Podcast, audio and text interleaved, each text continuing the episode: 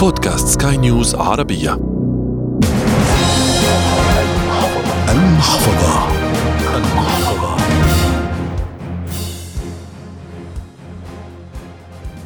أهلا بكم. الدين هو الملجأ الأخير للكثيرين عند وقوعهم في ضائقة مادية. فعند اتخاذ كافة الاحتياطات ودراسة المصاريف وتوزيع الالتزامات وحساب ما للشخص وما عليه من هنا وهناك قد تطرأ بعض الظروف القاهرة لتضع الكثيرين في خانة الديون. فمن فقد وظيفته واستنفذ كل مدخراته ولديه التزامات لن يكون أمامه سوى هذا الشقاء. وفي حلقة اليوم من المحفظة والتي تأتيكم عبر منصة بودكاست سكاي نيوز عربية سنستعرض بعض الطرق لتخفيف وطأة الدين على من يعاني منه. فكونوا معنا. قبل فترة قصيرة تفاجأت بأحد أصدقائي ترك وطنه وهرب إلى بلد آخر بسبب تراكم الديون عليه. استغربت من ردة الفعل هذه خاصة أن هذا الصديق يحمل شهادة عليا وكان من الأشخاص المقتدرين. يبدو أن الأحوال الأخيرة التي وضعتنا فيها جائحة كورونا قد صبت جام غضبها عليه. ولم يبق أمامه سوى هذا الخيار. ومن هنا بدأ نقاشي معه لماذا هذا الخيار؟ فقال لي بالحرف الواحد لم يتبقى شخص لم أستلف منه وكلهم يطالبونني بالدين وأنا لم أعد أستطيع أن أسيطر على وضعي المادي. كلنا معرضون للوقوع في هذه الضائقة. لذا أول الحلول المنطقية للخروج من هذه الدائرة هو الاستعانة بمستشار مالي واقتصادي بعد الأخذ بعين الاعتبار كل النصائح من تجنب الصرف الزائد والبعد عن الكماليات وضبط النفقات. لذا نستضيف في هذه الحلقة دكتور الاقتصاد والقانون بول مرقس. بداية أهلا بك. أهلا وسهلا. الدين هو أزمة مالية يقع فيها الكثيرون هذه الأيام. كيف من الممكن من الناحية الاقتصادية إدارة هذه المشكلة خاصة إذا كان هناك أكثر من جهة تطالب هذا المديون؟ طبعا المديون كما هو مسمى يعني هو واقع تحت دين وبالتالي قبل أن يقع هذه الواقعة يجب عليه أن يتحسب وأن يتدارك لعواقب هذه الأمور. يعني إقامة أي عبء عليه يجعل منه مدينا في ذمته تجاه الآخرين بما لدى الآخرين في حوزته.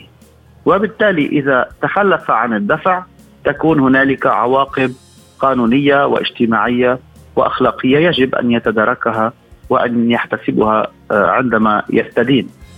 خصوصا الأمر يتفاعل ويتفاقم عندما يكون هنالك أكثر من دائن لهذا المدين. وبالتالي عندما يستدين أو يستلف أو يستقرض أي مبلغ من المال عليه أن يحتسب إمكانية التسديد تسديد ما اقترضه لهؤلاء الدائنين حتى لا يصل إلى مرحلة التعثر وربما حالة الإفلاس لا سمح الله خصوصا إذا كان تاجرا فيعود لهؤلاء الدائنين حين ذاك أن يقاضوه وأن يستوفوا دينهم بالتراتبية إذا كان لديهم ضمانات وإلا فبالتساوي فيما بينهم pro rata إذا لم يكن لدى أحدهم أو أكثر ضمانات عينية أي امتياز على عين معينة بحد ذاتها. نعم دكتور بول هل القرض البنكي هو الحل أو بطريقة أوضح هل أخذ قرض وسد أو سداد كل الالتزامات وبقاء الدفع لجهة واحدة هو قرار صائب؟ يعني انظري معي الاستدانة أمام المصرف هي في المفاعيل المالية كالاستدانة أمام الأفراد أو أمام الأشخاص الثالثين الآخرين لكن الفرق هنا وهو أشد فتكا بالنسبة للمدين أن المصارف منظمة ومنتظمة حسب الأصول في موضوع التحصيل أي أنها تراقب عن كثب عن كثب ملاءة المديون المدين بالمال وتطور وضعه المالي سواء ايجابا أم سلبا يعني امتلاكه مزيد من الذمم المالية والأموال المنقولة وغير المنقولة أو خسارته لها فتتحرك حين ذاك بناء على هذا التدهور في الذمة المالية العائدة لمدينها أو آه، أنها ترتاح أكثر إذا زادت هذه الذمة المالية.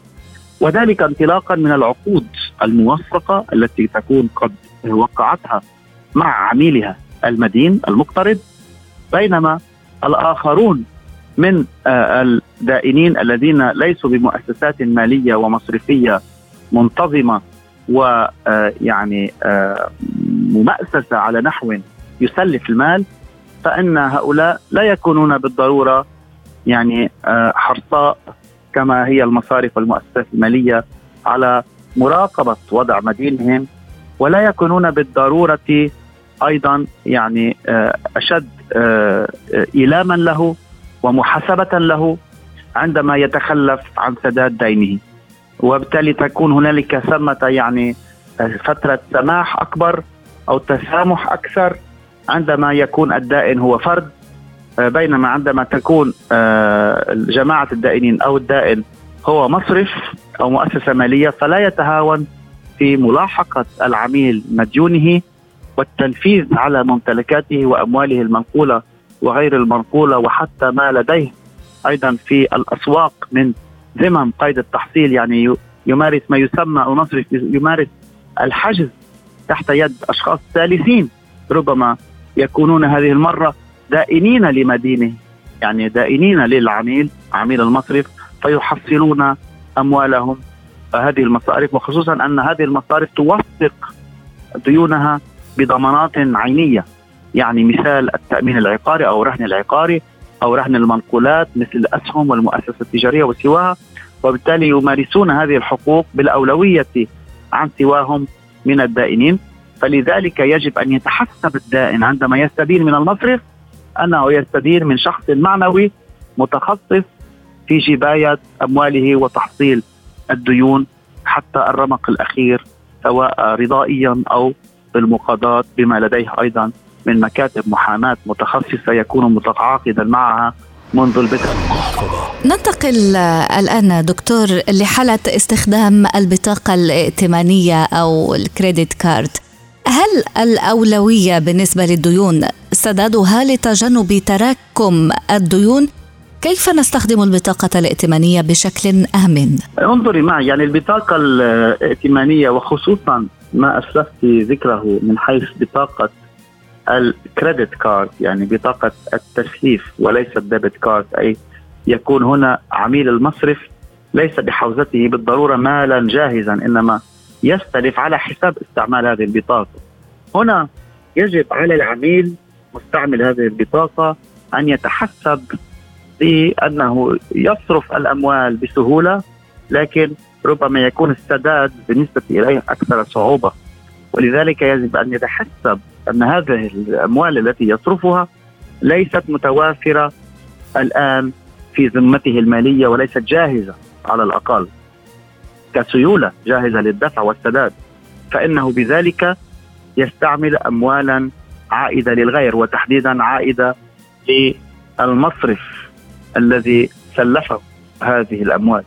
وعليه أن يعيدها في فترة زمنية قصيرة نسبيا لأن هذه البطاقات تستحق مع نهاية الشهر مثلا هو يجب دفع رصيد البطاقة في غضون أيام قليلة وإلا تترتب فائدة وعمولة وأكلاف مصرفية وربما أيضا يصل الأمر إلى حدود تكوين دين بذمة العميل مستعمل البطاقة تمهيدا لجباية وتحصيل هذا الدين عبر آه، على ما يملكه هذا المدين أي مستعمل البطاقة من أموال منقولة وغير منقولة على نحو قضائي.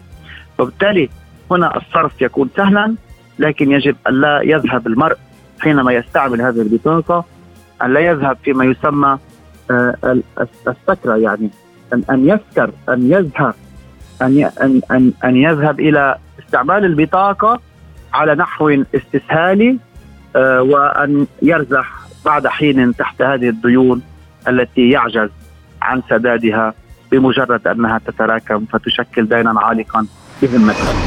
دكتور في حال وصلنا لمرحلة تراكم الديون في البطاقة الائتمانية في نظرك كيف يجب معالجة هذه المعضلة؟ هنا يجب أن يذهب العميل مستعمل البطاقة إلى المصرف وأن يبادر إلى التفاوض مع المصرف، يعني أن لا يترك الأمور تسري آليا وأوتوماتيكيا لأن ذلك من شأنه أن يجعل هذا الدين آه، غير مدفوع وبالتالي عالقا بذمته وربما ينتقل إلى مرحلة تصاعدية تسمى دينا مشكوكا بتحصيله ومن ثم يحال إلى الإجراءات القضائية في المصرف فتتفاقم الأمور وتصبح أكثر صعوبة. ربما إذا يعني يعني تزايد المبلغ وأصبح من المتعذر عليه أن يسده فورا عليه أن يبادر هو إلى التواصل مع إدارة الفرع حيث يتعامل والا ينتظر أن تصل الأمور إلى الاسكيليشن أي إلى مستوى الإدارة العليا التي تتخذ الإجراءات بحق العميل. ولا تعرف العميل عن كسب، المصرف يعرف العميل عن طريق الفرع، فرع المصرف الذي يتعامل معه حيث يزوره ويحتسي القهوة ويتواصل مع مدير الفرع أو الموظفين المسؤولين داخل الفرع. فلديه نوع أو حد أدنى من التواصل اليومي أو الزيارات الميدانية معهم. فمن الأولى أن يبادر إلى التواصل معهم وأن يتفق معهم أن يحاول على الأقل الاتفاق على برمجة هذه الدفعات على نحو آه، ميسر لأعماله وقابل للسداد على نحو مريح له وممكن وواقعي حتى لا تتفاقم الأمور وأن تصل إلى مرحلة الإجراءات آه، الاداريه ومن ثم الإجراءات القضائية فتصعب الأمور عليه وتتراكم الأكلاف أكلاف اتعاب المحاماة والمصاريف القضائية التي يكون قد تكبدها المصرف في هذه المعاملات القضائية التي هو أي العميل بغنى عنها. دكتور بشكل عام نريد بعض النصائح المالية لتجنب الوقوع في مثل هذه الضائقة المالية. هل الادخار يبقى المنجي الوحيد منها؟ يعني طبعا هنا يجب أن نفرق في آه، التمييز وأن نميز بين من آه، هي الفئات المستهدفة من حديثنا. إذا كانوا من المواطنين العاديين الذين لا يمتهنون التجارة فنعم نوصيهم بالادخار وبتراكم الثروة ولو البسيطة آه، وعدم الاسلاف أو الإكثار من الديون آه، والغرق في هذه الديون لأنهم ليس لديهم امتهان تجاري وربحي ويجب عليهم أن يكونوا آه، سائرين وفق القواعد العامة العادية في في التعاملات. أما التجار من المستهدفين في حديثنا فلا يمكن لنا أن نتوجه إليهم بالدعوة إلى الادخار فحسب وعدم الاقتراض والاستدانة آه، من المصارف والمؤسسات المالية ومن الأسواق عموما. لأن هؤلاء التجار من طبيعة عملهم أن يستدينوا ومن طبيعة عملهم أن يستعملوا رؤوس أموالهم حتى الرمق الأخير وأن يشتروا فيها البضاعة وأن آه، يتاجروا وأن يفتحوا الاعتمادات المستندية وبوارث الشحن وسواها من المعاملات التجارية التي تتطلب منهم استهلاك ما لديهم من آه، رؤوس أموال وحتى الذهاب إلى الاستدانة في سبيل تنمية أعمالهم.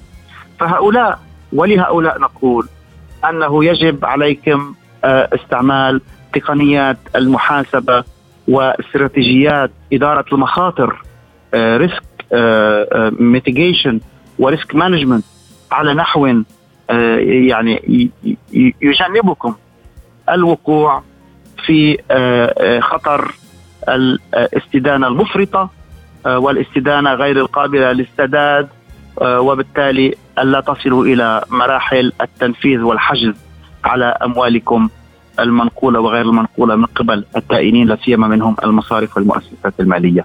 هنا اذا يجب آه، احتساب كيفية الاستلاف وإدارة محفظة الدين على نحو سالم وأمين وآمن بحيث يكون من خلال اتباع قواعد وإجراءات المخاطر وإدارة المخاطر وتجنب الوقوع في آه، يعني مسالك غير محسوبة النتائج وبالتالي تبديد الثروة والراسمال وال reputation risk يعني هنالك أيضا المخاطر المتعلقة بالسمعة أي تبديد السمعة على نحو يكون يعني هنا مهلكا لهؤلاء التجار لا سمح الله.